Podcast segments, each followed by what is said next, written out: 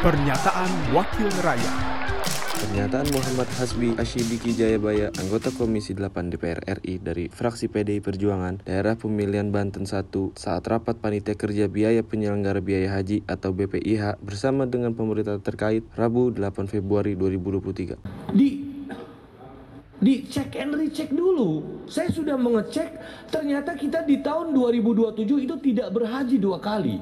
Di tahun 2039 kita berhaji dua kali. Di bulan Julhijjahnya itu ada dua di tahun 2039. Di bulan Desember 2039 dan juga bulan Januari 2000 ada perbedaan 11 bulan. Kita dalam satu tahun Masehi kita berhaji dua kali. Yang kedua, saya setuju dengan Pak Ketua Panja tadi. Pak Ketua Panja bilang ini seakan-akan BPKH diam aja. Sekali lagi Pak Padul mohon maaf, saya tidak berusaha menyerang BPKH sebagai lembaga mitra kerja. Kita harus wa ta'awanu alal biri, tolong menolong kita dalam kebaikan, apalagi urusan haji.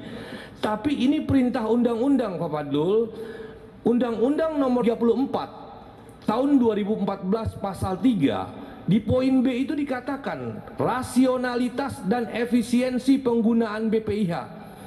Jadi harusnya BPKH lah yang merasionalisasikan BPIH ini. Ini seakan-akan Kemenag yang menjadi garda terdepan dan BPKH terdiam melihat kecemasan jemaah dalam hal ini jemaah haji Indonesia dalam ini rakyat Indonesia. Ini saya ingin BPKH terus muncul di media sampai kita pengesahan tanggal 14 Februari karena sudah diundur atas arahan pimpinan tidak di hari Senin, di hari Selasa tanggal 14 Februari kita setuju. Ini BPKH malah diam. Ini perintah undang-undang loh, Pak. Undang-undang nomor 34 tahun 2014 pasal 3 poin B. Nanti silahkan dibaca kembali. Pernyataan Muhammad Hasbi Ashidiki Jayabaya, anggota Komisi 8 DPR RI dari fraksi PDI Perjuangan, daerah pemilihan Banten 1, produksi TV dan radio parlemen, Biro Pemberitaan Parlemen, Sekjen DPR RI. Pernyataan Wakil Rakyat